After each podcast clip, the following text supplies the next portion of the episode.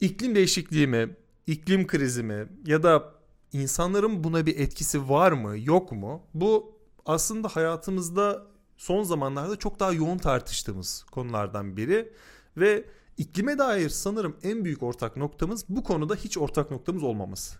Çünkü iklim değişikliğinin bilim ve bilim tarihiyle olan bu ilginç bağlantısı politik açıdan çok daha kaygan bir zemine oturmaya başladı ve bunu biz bu bölümde biraz daha bilimsel itilaflar üzerinden ele alacağız. Aslında bilimsel itilaflar benim doktora tezimin konusu şu an üzerinde çalıştığım ve çok büyük bir soru yumağı ortaya çıkarıyor. Şimdi konuya geçmeden önce ben biraz bilimsel ihtilaftan bahsetmek istiyorum. Çünkü biz burada biraz bilim teorisi üzerine kalem oynatmaya, mikrofon oynatmaya çalışıyoruz.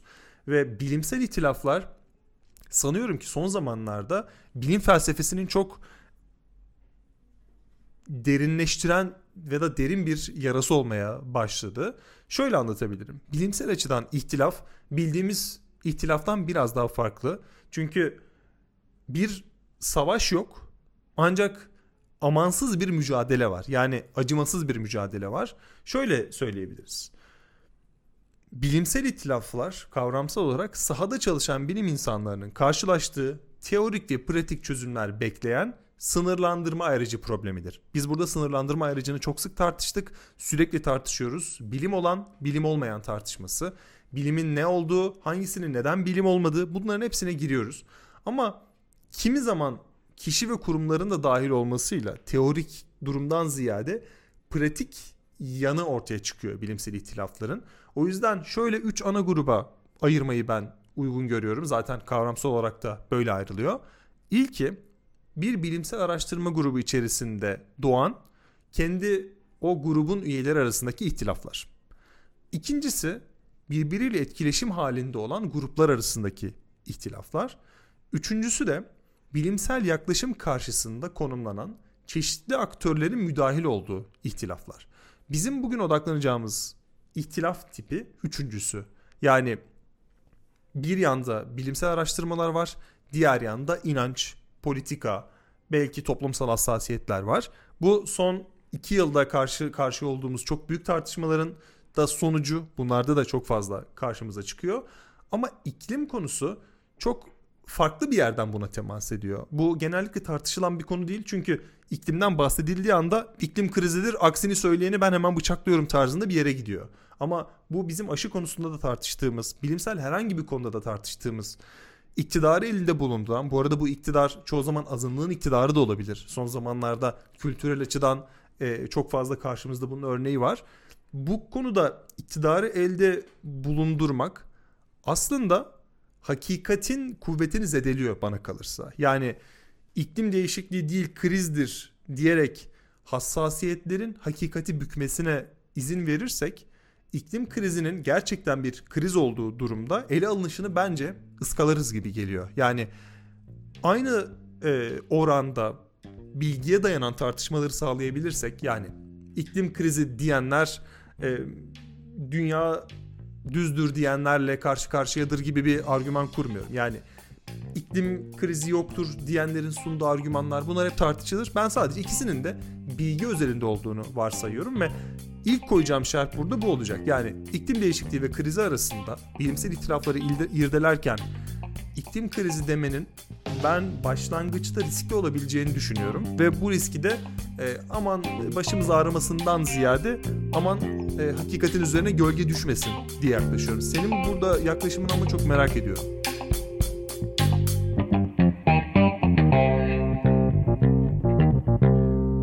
Ben iki şey söyleyeceğim. Önce bir mevzuda bir yöntem olarak izlenebilecek olan şey şu. Önce tanımla, sonra açıkla.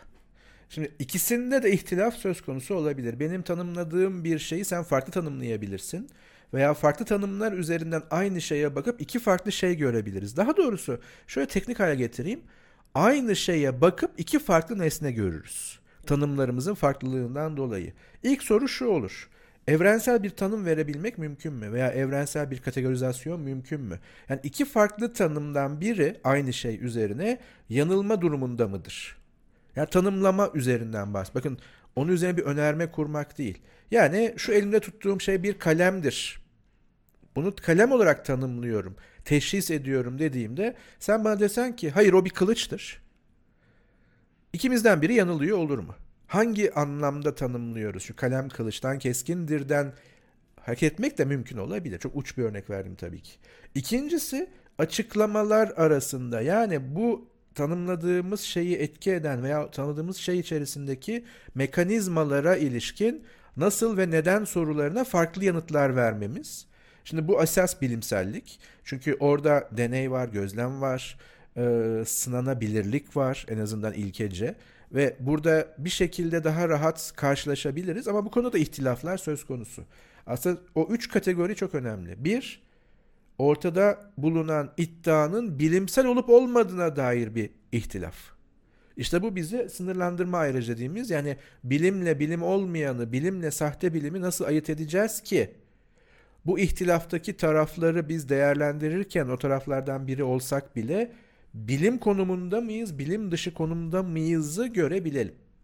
Bu büyük ihtilaf ama sanırım 20. yüzyıldan sonra bu biraz hafifledi. Yani bunda bir mutabakat var. Yani buradaki ihtilaf çok daha düşük.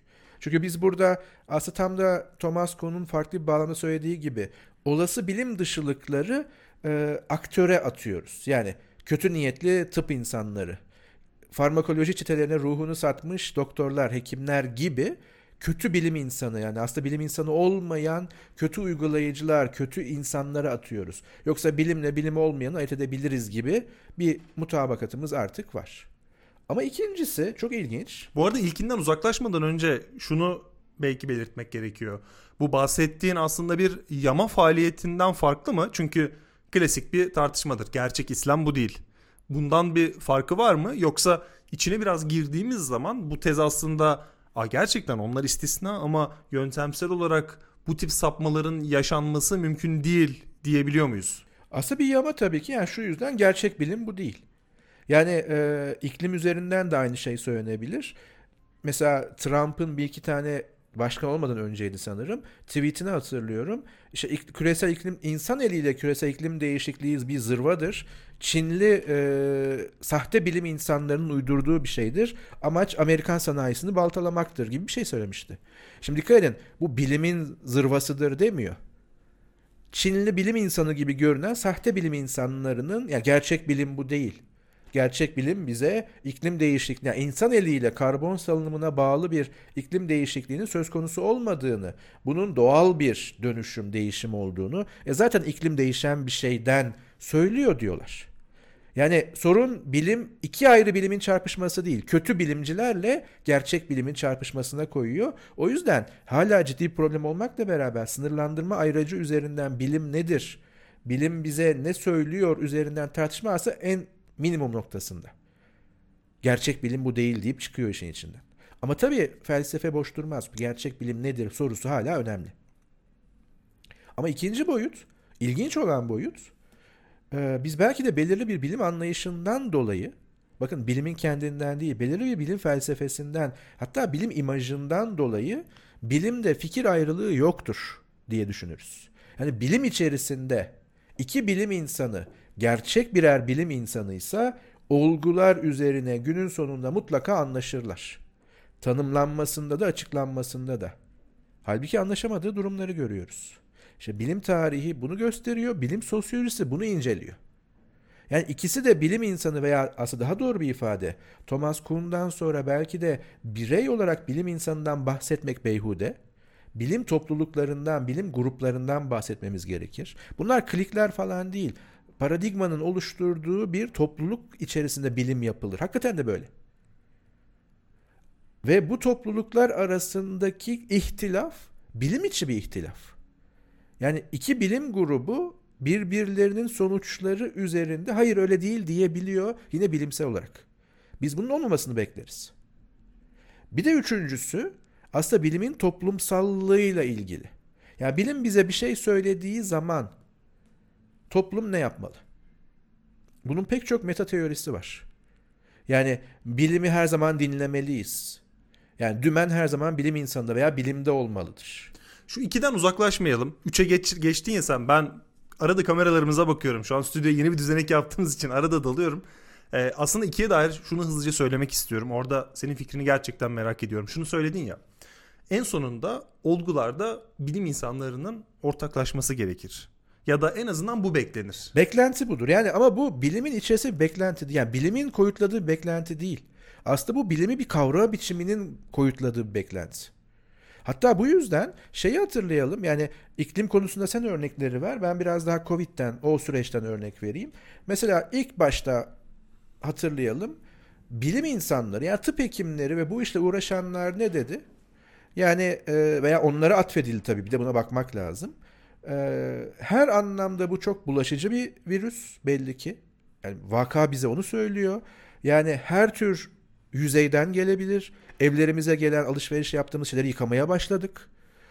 Tuhaf siperlikler taktık. Çünkü gözden de bulaşabiliyor. Hani o göze gelirse o partiküller vesaire. E, zaten solunum yolu çok tehlikeli. Ama birkaç zaman sonra diyeyim birkaç gün, birkaç hafta, birkaç ay. Ya dediler ki bu yüzeyden çok fazla kalmıyor ve havada asılı kalmıyor belirli şartlar altında. Şimdi biz ne dedik mesela? Oho bu ne iş? Bu bilim insanları dün böyle diyordu, bugün böyle diyor. E çünkü o bilim insanlarının ve bilimin doğasına uygun bir şekilde başlangıçta ellerinde yeterince veri yoktu. Ve rasyonel bir şekilde toplumla bu ilişkisinde en yüksek risk seviyesinden hesaplama yaptılar. Sonra ellerindeki veri, inceleme, tanımlama vesaire biriktikçe ya buradan bulaşmıyor rahat olun dediler. O yüzden mesela ilk sefer maske var mı yok mu? Ya bilim ihtilaflarla doludur. Çünkü bazı ki 5 kat maske, 6 kat maske başlangıçtan bahsediyorum. Sonra bir de ki yani maske aslında hiç gerekli değil. Hatta zararlı olabilir. E hangisi? İşte ihtilaf bu. Ama bu ihtilaflar çözülüyor bilim içinde. Ben İlginç emin olan değilim bu. bundan. Bu, bu ihtilafların çözüldüğünden çok emin değilim. Çünkü çok fazla bunu eleştirel gözle. Yani eleştirelden kastım şu. Burada acaba ne oluyor gözüyle çok fazla yaklaştım. Senin bu bahsettiğin dönemde bunu özellikle e, incelemiştim. Yani burada ortaya çıkan ihtilaf aslında iklim değişikliğiyle çok fazla temas ettiği için biraz daha belki e, yakınlaşabilmek, biraz daha onu zoom yapabilmek mümkün. Mesela o dönemde yaşanan e, durum bir güç ilişkisine dönüştü. Temel problem buradaydı. Yani maske takalım mı? Takalım. İki tane takalım mı? Takalım. Takmayalım diyenler takalım diyoruz. Bak sen ne yaptığını zannediyorsuna dönüştü ve şöyle bir tartışma ortaya çıktı. Ben bunu çok fazla yaşadım ve çok fazla deneyimledim çevremde. Mesela maske takmak artık e, dışarıda yasak değil. Yani takmak e, zorunlu değil. Ben maskesiz geziyorum. Üç tane insan karşımdan maskeli geliyor. Bana bakıp yani bana şeymişim gibi. Hani ama ama şunu karıştırma. Karşıdan gelen üç maskeli bilimi temsil etmiyor. O kendi bilim algısını temsil ediyor veya kendi hakikat algısını temsil ediyor. Ama bir uzantı var gibi geliyor. Tabii ki ama şöyle mesela bilim içi dediğimiz ikinci boyut dediğimiz ihtilafları şöyle kurabiliriz. Maske takılması zorunlu olmalı ki bu aslında üçüncü boyutla ilgili. Çünkü o zorunluluğu sana kamu getirebilir. Yani bilim bunu zorunlu tutamaz. Bilim der ki maske takılmalıdır çünkü bulaşmayı engelliyor veya azaltıyor ihtimali vesaire ve işte kanıtları da bunlar demelidir. İkincideki ihtilaf şu. Bu kanıtlar bunu çıkartıyor mu çıkartmıyor mu tartışması bilim içerisinde. Yani elimizde yeterince bilimsel teyit edilmiş kanıt var mı ve bu kanıtlar bu sonucu ne kadar taşıyabiliyor? Kanıtlar bunun bulaşıcılığıyla ilgili. Sonuç maske takmanın bu bulaşıcılığı minimize ettiği yönünde. Şimdi bir kısım bilim insanı diyorsa ki hayır elimizde bu kadar kanıt yok veya aksi kanıtlar var. Bu bilim içi bir ihtilaf. Ama bundan sonra bir yerden sonra bunu kamu devraldığında ben buraya otorite yatırımı yapıyorum. Yani maske takılması zorunludur diyen kamu. Karşıdan gelip sana cık cıklayanların zihninde bir algı var. O algıyla cık cıklıyor. O bilimin sana söylediği veya bilimselliğin söylediği bir şey değil. Şöyle örnek vereyim. Ya bu konuyu senin artık tez konun olduğu için ben senden öğreneceğim çoğu yerde. Ama sınayarak öğreneceğim. Aman dikkat et. İklim değişikliğinin insan eliyle olup olmadığı tartışması başladığında oran neredeyse 50'ye 50 bilim içerisinde. Yani evet böyledir diyenler var çünkü bir hipotetik yapı kuruluyor. Kanıtlarla yapı, e, örüntülenmiş. Hayır bu insan eliyle ya karbon salınımımızla ilgili değil veya bizim karbon salınımımız o kadar da etkili değil diyenler var. Bu aşağı yukarı yüzde elli elli. Yani bunu şöyle de söyleyebilirim. Sanırım 1960'larda belki biraz gerisinde belki biraz ilerisinde tütünün yani tütün ürünlerinin kanserle veya da böyle ağır hastalıklarla ilişkisi konusunda iddialar muhtelifti. Şimdi bugün hepimiz ezberden e, bilim insanı olmasak bile şunu söyleriz. Yani sigara içmek, tütün ürünü kullanmak kanserin nedenlerinden biridir. Ama biz bunu daha önce de söylemiştik ya. E, ama benim amcamın oğlunun kuzeninin amcası var. Ki çok ilginç bir şey takip edin. Kesin benim babam falan çıkar bu şeyde. Kuzenimin amcasının falan filan. Neyse. Ömrü boyunca sigara içti. Hiç kansere falan yakalanmadı. Sağlıklı. E bu bir kanıt değil ki. Şimdi kanıtı nasıl değerlendirdiğiniz Anekdotal önemli. kanıt aslında bilimsel kanıttan çok daha kuvvetli evet. olabiliyor. Ama yani algıda kuvvetli olabiliyor. Ama bilim bunu kullanmaz. Ama 60'larda hakikaten bilim, yani bu incelenmemişti. Hatta e, oradaki o ünlü dizi neydi reklamcıları anlatan? Biraz sonra aklımıza gelir. Türk ee, dizisi miydi? Hayır, hayır yabancı. Hatta çok klasik bir dizi oldu. Şimdi demin Walter White reis falan dedik de burada ayıp ettik e, reklamcılık dünyasına. Çok iyi bir dizidir çünkü. Bu dizide mesela o konu edinilir. Sigara firmaları ilk defa karşılaştıkları sigarayla veya tütün ürünleriyle ilgili bilimsel bir bu kanser yapıyor nasıl yanıt verecekler? Nasıl reklamlar yapacaklar gibi. Çünkü bu daha önce konu değildi. Ama bilim burada bu ihtilafı yendi kendi içinde. Yani bugün bu ihtilafı yok. Bugün artık biliyoruz ki tütün ürünlerinin kullanımı bu şekilde başta kanser olmak üzere, en başta akciğer kanseri olmak üzere çok önemli bir nedensel unsur. Ama tıp alanında veya bilimin pek çok alanında yüzde yüz diye bir şey yok. Olmayabilir anladın Hayır bu bir unsur ama senin pek çok koşulunla bir araya geldiğinde sende vereceği sonuç yüksek olasılıkla yine kanser. Ama olmama ihtimali tabii, tabii ki var. Ama bu şu anlama gelmiyor. O zaman kamu bunu serbest bıraksın hatta özendirsin değil. Ama 1960'larda oraya dönecek olursam bu sigara firmaları şunu yaptılar. Bazı bilimsel çalışmaları e, fonladılar. Yani kaynak ayırdılar. Ve ilginç bir şekilde o çalışmalarda da hayır burada bir korelasyon olabilir ama nedensel bağ yoktur çıktı. Ama bu çok çabuk yenilebildi kanıtlarla. Yani %50-50 ile başlayan orada da iklimde olduğu gibi iç ihtilaf 90'a 10, 99'a 1'e kadar düştü bazı durumlarda. Ama o ihtilaf topluma yansıdığında üçüncü boyuta böyle hemen bitmiyor. Şimdi iklim konusunda böyleyken Covid konusunda da böyleydi veya benzeri. Çünkü dikkat et aslında bilimsel ihtilaflar her yerde. Yani Thomas Kuhn e, bilimsel araştırmaların mantığında pardon e, bilimsel devrimlerin yapısında şunu söyler. İnceledikleri nesnenin, incelikleri deney nesnesinin bir molekül mü yoksa atom mu yani bileşik mi yalın mı olduğu konusunda anlaşamayan fizikçi ve kimyacıları örnekler. Bu tabii ki sonra aşılmıştır ama o anda bu bir tartışmadır. Hayır bu baktığım şey bir e, bileşiktir, kimyanın konusudur. Burada bir molekülle karşı karşıyayız diyenler var. Hayır bu yalındır, bu atomdur diyenler var belirli bir dönem.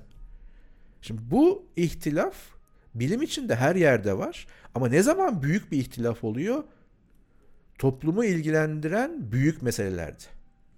Bu bahsettiğin ihtilafı genişletme oluyor aslında biraz. Halka doğru bunu indirmek. Halkı burada kötü bir anlamda ya da entelektüel seviyesi düşük anlamında söylemiyorum. Yani akademik üretimin dışında da bu itilafın, bilimsel itilafın sürüyor olması verdiğin örneklerde aklımda farklı pencereler açtı. Mesela bu bahsettiğin sigara örneğinin bir benzeri mesela hayvansal gıda endüstrisinde de var. Son 20 yılda ortaya çıkan işte vejetaryen olursanız vücudunuz yeterli proteini asla alamaz ve 5 gün içinde hemen ölürsünüz. Hemen et yemeniz lazım, yumurta yemeniz lazım endüstrisi. Ve bunların da çok büyük bir kısmının aslında fonlanarak ortaya çıktığı. Çünkü ortadaki endüstri çok büyük bir endüstri. E, bunun üzerine işte B12 tartışmalarını koyabiliriz vesaire vesaire. Bunun karşı tarafında bulunan şey senin bu e, çıpa attığın ve sonrasında farklı yere kaydığın bizim aslında şahsi hareketlerimizin iklim değişikliğine nasıl etkisi olduğu tartışması. Bu bence yalnız bir tartışma değil. Çünkü ben kişisel alışkanlıklarımı güncelleyerek iklime dair, bu dünyaya dair bütün sorumluluklarımı yerine getirmişim hakkı, bunu yaşama hakkım, iyi hissetme hakkım birkaç yerde daha hayatımızda var. Aslında bu ihtilaflara böyle girmiş olmamız da bence çok daha iyi. Biraz daha gayri safi fikirler teması ortaya çıkarıyor. Üç tane konu geldi benim aklıma. İlki karbon ayak izimi küçültüp dünyayı kurtarıyorum hakkı. İkincisi geri dönüşüm yapıyorum dünyayı kurtarıyorum hakkı. İkincisinin sebebi şu e, birazdan gideyim ona. Üçüncüsü de sokak hayvanlarını besliyorum iyi hissediyorum hakkı. Bunlara biraz yüzeyin altına inerek temas etmek istiyorum çünkü bu haliyle e, garip karşılanabilir. Karbon ayak izimiz bizim kullandığımız otomobiller gerçekten hiçbir etkisi yok. Şu dü- dünya çapında yapılan e, tüketimlere ve bize bak kardeşim o otomobil değil de sen elektrikliyi kullan diyen ülkelerin yaptığı ya da diyen markaların yaptığı şeylere baktığımızda şahsi olarak değiştirebileceğimiz şey gerçekten çok az. Burada sesimizi yükseltmemiz gerekiyor ama yanımızdaki insana sen dizel otomobil kullanma, sen elektrikli kullan diyerek yapacağımız şey değil. Devletler ölçeğinde sesimizi yükseltmemiz gerekiyor. Yapabileceğimiz şeyler biraz buna yakın. Bu konuda birkaç e, uzmanla konuşup program yaptığım zaman da bu konuda fikirlerim biraz daha netleşti ve kendimizi çok fazla yüklenmememiz gerektiğini düşündüm. İkincisi geri dönüşüm. Geri dönüşüm üzerine Türkiye'de bu konu üzerine çok fazla e, eğilen Evreka diye bir girişim var. Dünya çapında e, çöp sistemlerine entegre olan bir Türk girişimdi bu. Şu an değişmiş olabilirler. Örneğin e, bir çöpe atılan ürünleri analiz ediyorlar. Onların geri dönüşümünü sağlıyorlar. Ve aslında şunu söyledi oradaki e, firmanın yetkilisi, kurucusu. Aslında geri dönüşüm sandığınız kadar verimli işleyen bir sistem değil dedi. Mesela ofislerde kağıt ayırma, şişe ayırma ya da diğer şeyleri ayırma kutuları var. Mesela kağıt ayırma kutularının, kağıt geri dönüşümünün neredeyse hiçbir karşılığı yok dedi. Çünkü bir kağıdın üzerine bir damla su döküldüğü anda geri dönüştürülemez hale gelir dedi. Yani pizza yiyorsunuz, pizzanın yağı var üzerinde geri dönüştürülemez. Karton koydunuz, üzerine yanlışlıkla su döküldü, çöp. Ve bunu düşündüğümüz zaman bu da bir iyi hissetme hakkıymış gibi geliyor. Ee, sokak hayvanları konusunda da bir benzeri var. Bunlar birbiriyle çok temas ediyor ve iklim değişikliğine yakınlaştığı için söylüyorum. Ee, hani sokaklarda hayvan olmalı mı olmamalı mı tartışmasından bahsetmiyorum. İnsanların sokakta canlı beslemesi aslında iyi hissetmek. Ben birinin hayatına dokunuyorum. Bir canlının hayatına dokunuyorum şeklinde sadece kendini iyi hissetme hakkıyla teması varmış gibi geliyor çoğu zaman. Çünkü e, sizin beslediğiniz canlı ürüyor ve çok daha kötü bir e, koşulda çok daha e, kötü koşullara yavrularını getiriyor ve sonunda kötü bir kadere e, gidiyor. Yani onu alıp evinizde beslemeniz gerekiyor ki aslında iyi hissetme hakkını bir kenara bırakıp bir hayata gerçekten dokunmuş olun. İklim değişikliği de buna çok yakınsıyor ve iklim değişikliğinin buna yakınsama sebebi de hem bu atmosferdeki e, sera gazına kendi kişisel etkimiz hem kişisel geri dönüşümümüz hem de bu konuda aldığımız tavırlar. Yani iklim değişikliği konusunda iklim değişikliği deme, iklim krizi demek zorundasın tavrı bile aslında harekete geçiyormuşuz hissini veriyor. Ama işte tanımlamada bir yerde anlaşmamız lazım. Yani sözcükler o yüzden önemsiz değil. Ee, yani iklim değişikliği, değişmekte olan iklime bir kriz demek, kriz olarak tanımlamak ve insan eliyle yapılmış olduğunu kanıtlayabilmek veya kanıtlamak çok önemli bir farklılık yaratacak. Yani biz ona dersek diyelim gibi bir durum yok. Çünkü farkındalığın ilk şeyi onu doğru adlandırmak. O yüzden o önemli. Ama bir zorunluluk üzerine tabii tartışılabilir. Ama biraz sonra bir kitap önerim zaten olacak ama oradan bir şey okuyacağım. İklim değişikliğine ilişkin bilginin politikadan ayrılması veya arınması artık mümkün değildir. Şimdi son sözümü ben burada söyleyeyim. Daha biraz vaktimiz var ama her şey politiktir. Ama politik olan her şey sadece politik değildir. Dolayısıyla bilim politiktir elbette veya bilimin sonuçları. Ama bu onun her şekilde politik olduğunu göstermiyor. İçinde bir hakikat davası da var. Şimdi burada şunu söyleyeceğim. Mesela fonlanma hem o kanserle tütün ürünleri arasındaki ilişki hem başka işte iklim mevzusundaki fon meseleleri. Yani elektrikli motorlara geçmek sadece romantik bir şey değil. Devasa bir iktisadi değişim aynı zamanda. Hatta çok ciddi politik değişim olabilir. Yani o elektriği nasıl ürettiğimiz tabii ayrı bir soru olarak kalacak ama petrolün yani e, bu tarz yakıtların önemini kaybetmesinin politik sonuçlarını düşünelim coğrafyalar üzerinde ve ekonomiler üzerinde. Şimdi o yüzden tabii ki politik. Ama sadece bu alanlar mı? Mesela şu anda bilimin amiral gemisi CERN'de yapılan deney temel fizik.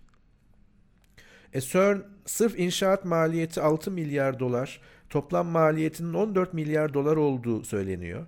CERN laboratuvarının, parçacık hızlandırıcının. Şimdi acaba hani bir ulaşabilir miyim, daha doğru bir şey söyleyeyim diye hızlıca aradım. Ee, 2040'ta çalışması planlanan lepton çarpıştırıcısının da maliyetinin 4 milyar avro yani euro olacağı söyleniyor. Yani o laboratuvar geliştiriliyor. E bu fon nereden geliyor? Fizik alanındaki, temel fizik alanındaki çalışmalar. Yani tabii ki bunun teknolojik çıktıları, meta çıktıları olacak. Yani bunu bekliyoruz zaten. Ama bu kadar milyar euroyu veya doları fizik alanına da yatırıyoruz. Ya o da fonlanıyor. Yani şimdi e, bir yerlerden fon geldi aman ha Higgs bozonunu falan demiyorlar. Bilim zaten bununla iç içe. Sosyolojik ve iktisadi ilişkiler kümesi aynı zamanda. Ama bizim zihnimizde öyle bir bilim imgesi oturmuş ki işin içine para girdiği anda sanki bilim insanları taş yiyor veya taş yiyerek sonuç üretiyor. Yani sırf kendi yaşamlarından bahsetmiyorum. Onların para kazanmasından bahsetmiyorum. Ya ben bir temel fizikçi olarak teorik aşamadan sınanabilir bir sonuç üretmek için ihtiyaç duyduğum laboratuvar 14 milyar euro arkadaşlar. Bu parayı da birileri verecek. Kimi zaman devletler, kimi zaman özel şirketler. Ama bu parayı veren de oraya dahil olacak demektir bu. Yani 14 milyar euro şöyle desek o zaman bir bilim fonu oluşturalım. Herkesten birer dolar e, vergi alalım. Al işte yeni bir vergi sorunu. Şimdi birileri diyecek ki benim niye vergimle burada böyle şeyler yapılıyor? Yani yine politik bir yere gelecek. Aslında o politikliği kırmanın yolu batıda bundan bin yıl öncesinde farklı bir şekilde çözüldü. Ki bu son zamanlarda işte batı neden batı doğu neden doğu tartışması ile ilgili bir kitap okuyorum. Orada mesela senin bu bahsettiğin şeyle ilgili bir yorum vardı. Yani benim 14 milyar dolarlık bir e, laboratuvara ihtiyacım var. Bunu nasıl fonlayacağım? Doğuda bunun fonlanışı devletler buna etki ediyor ya da firmalar ya da markalar sonrasında doğrudan o bilgiye de erişim hakkı istiyorlar. Aslında doğru olanı ve batıda vaktiyle e, bilimsel hamiler ya da çalışmalara hamiler bulunmasının e, mantığı senin bilimsel çalışmana doğrudan etki etmeyecek fon verenler bulabilmek. Mesela CERN bunu farklı bir biçimde çözmüştü doğru hatırlıyorsam. Çok çok farklı ülkelerin katkıları var. Yani tek bir ülke buyur kardeşim 14 milyar dolar deyip tüm çalışmanın sonradan ortaya çıkacak e, entelektüel hakların alıcısı olması yerine çok farklı bileşenler oluşturarak bir anlamda demokratikleştirmeye çalışıyorlar. Ama işte orada tabii ki demokratikleşmeden de ziyade tabii bu terim kullanılabilir. Belki çeşitlendirirsek en azından ihtilaf konusunda bir antik Yunan usulü bir forum, bir diyalog ortamı kurabiliriz. Yani tek kişinin dediği olmaz veya tek paydaşın dediği olmaz. En azından konuşulabilecek bir çeşitlenme ortaya çıkar. Bu güzel bir yöntem olabilir. Ama mesela şöyle bir şey de yapılabilir. Her şey herkese sorulabilir mi? Yani diyelim ki işte aşılar konusunu referanduma götürebilir miyiz? Ya da iklim değişikliği bir referandum. İklim değişikliği değil tabii ki. O biz isteyelim veya istemeyelim var. Hadi bunun insan eliyle olduğu da ki hani şu anki bilimsel e, tutarlı durum da bu. İnsan eliyle oluyor. Yani insanın neden olduğu bir değişim var. Ama ne yapacağız ve bunu durdurmak, engellemek veya etkilerini minimize etmek için ne yapacağız sorusunu mesela referandum konusu yapabilir miyiz? Yoksa orada bilimin veya bilimsel kurumların bize verdiği reçeteleri kamu eliyle zorla uygulamaya mı geçeceğiz? Ya bu şeye benziyor. Ee, aslında senin diğer podcast'inde konuk olduğumuzda otomobillerin geleceği konusunda biz de yine burada elektrikli otomobiller üzerine yaptığımız programda şunu söylemiştik. Bir aşama sonra artık tamamen otomatikleşmiş bir nevi toplu taşımaya rasyonel olarak geçersek. Yani bugün alışla geldiğimiz otomobil tedavülden kalkarsa. E bundan keyif alan insanlar ne olacak? Yani ben otomobil kullanmak istiyorsam gerçek anlamıyla otomobil. Yani içine bindiğim robotlar değil, robotik e, böyle faunuslar değil. Gerçekten içten yanmalı, motorlu ve o sesi duyabildiğim V8 motor bir şey kullanmak istediğimde insan olarak böyle bir özgürlüğüm olacak mı? Bu arada bu özgürlük çoğu zaman işte petrol sevdalısı, endüstrinin kölesi gibi yaklaşılıyor ama geçenlerde şöyle bir video izlemiştim. Bu petrol head kavramı vardır. Dinlemeyen dinleyenler aşina değilse belki. Yani büyük hacimli motorları ya da karakteristik motorları kişilerin sevmesi. Neden bu insanlar elektrikli motorları sevmiyor sorusu geldiğinde çoğu insan e, hani çok robotik şu bu vesaire diyor ama şundan bahsediyor. Otomobil tutkunları tıpkı farklı bir alanın tutkunları gibi kullandığı şeyin karakteristik olmasını istiyor. Ama elektrikli motorların hepsi aynı karaktere sahip. Tuşa basıyorsun ve hızlanıyor. Sırf bu yüzden bile o zevkin geri alınmaması gerektiği, onun bir hobi olarak da olsa tutulması gerektiği söyleniyor. İlginç bir bakış açısıydı bu. Ama tabii şu da var. Ee, mesela şu an elektrikli otomobillere yapay ses üniteleri takılıyor bildiğim kadarıyla. Sanki bir içten yanmalı motor sesi veriyor. Yerini tutmaz bence. Asla tutmaz ama bunun orada olması bile denklemin bir parçası olduğunun kanıtı. Yani insan faktörü veya da işte özgür irade. Vegan sucuk gibi bu arada. Elektrikli otomobile verilen ses. Ee, mesela bir aşama sonra ben şeyi biliyorum. Ee, yani öyle yapay e, etler üretilecek ki hani onun da şafağındayız. Aslında hayvan veya da hayvansal bir temeli olmayacak. Yani neyse 3 boyutlu yazıcılarla ki böyle yapılıyor aslında. Yapay bir et üretiliyor. Aynı tadı verecek. Hani sen aslında vegans olacaksın ama et yiyor hissiyatıyla olacaksın. O ayrı bir tartışma tabii ki. Şu işin etik boyutu var. İnsan çevre ilişkisinin başka bir boyutu var. O yüzden çok daha tartışmalı, çok daha su götürür bir tartışma o. Ama hayır efendim yani tersten düşünelim. Hani hep böyle bir eleştirel, aydınlanmacı, felsefi falan dendiğinde aydın daha doğrusu aydınlanmacı değil de mesela otomatikman vegan olmasını bekliyor. Bilinçli. Tersten düşündüğümüzde oradan da bir şiddet var. Yani güç el değiştirdiği anda birdenbire et yiyenler şey duruma düşebilir. Ceza alıyorlar işte, yuhlanıyorlar, ayıplanıyorlar. Ha tersi de geçerli. Yani veganları da küçük görme işte ya işte bunlar entel dantel falan diye bakma. Ama tabii ki bunlar tutarlı tutuşlar, duruşlar veya konum alışlar. Ama bu ihtilafı nasıl çözeceğiz? Trasimakos'un dediği gibi ihtilafı sonuçta güç mü çözer? Her zaman. Güçlü olan ihtilafı ortadan kaldırır. Çünkü ihtilaf terimi bilim içi veya dışı belirsizlikle ilgilidir. Belirsiz durumlarda ihtilaflar çıkar. Ve belirsizlik hem bilime içkindir hem de yaşama. Biz belirsizlikle beraber yaşamalıyız. Nasıl yaşayacağımızı koyutlamalıyız. Yani doğrunun zorunlu olarak karşımızda olduğu yani dayatıldığı değil, hakikatin zorunlu olduğu durumlarda aslında ihtilaf olmaz ki. Yani e, 25. kattan atlamak iyi midir, kötü müdür diye bir ihtilaf olamaz. Orada intihar meselesini konuşuruz. O başka bir mesele olur. Ama atladığın zaman ne olacağı konusunda bir ihtilaf olmaz. Süremiz doldu. O halde bu bölümde aslında iklim değişikliği tartışmasından ziyade iklim değişikliği tartışmasına bizi götüren bilimsel itiraflara biraz girmiş olduk ve ben bir süre daha bu konuyu çalışacağım ve bu konuyu seninle çalışacağım için zaten bu konuya tekrar döneceğiz. O yüzden e, ufak bir anlaşmayla hem zaten kitap önerisi de yapacaksın. E, biraz girişte kalalım istedik ve farklı tartışmalarla burayın altını biraz desteklemek istedik. Evet şu anda YouTube'da olanlar umarım videoda bir sıkıntı çıkmaz. Kitabı görüyorlar ama podcast içinde hemen söyleyeyim. Mike Hulme'un e, iklim değişikliği konusunda neden anlaşamıyoruz Alfa bilimden çıkan Alfa yayınlarının bilim serisinden çıkan bir kitap. Çok boyutlu olarak inceliyor. Bizim için her anlamda bir çıkış oldu. Senin tezin içinde çok önemli bir kaynak yani bir perspektif sağlaması açısından. Bu konuda, bu ihtilaf konusunda başka önerilerimiz de zamanla olacak. Ama buradan başlamanızı öneriyorum. Ee, bugünlük benden bu kadar. Bir sonraki bölümde özel bir konuğumuz olacak ve biraz daha bu coğrafyaya yaklaşacağız. Türkiye'deki felsefecileri, Osmanlı dönemindeki felsefecileri farklı bir bağlamda tanıtacağız. Aslında tanıdığınız biri, bu podcast'te sesini duyduğunuz biri ilginç bir bölüm olacak.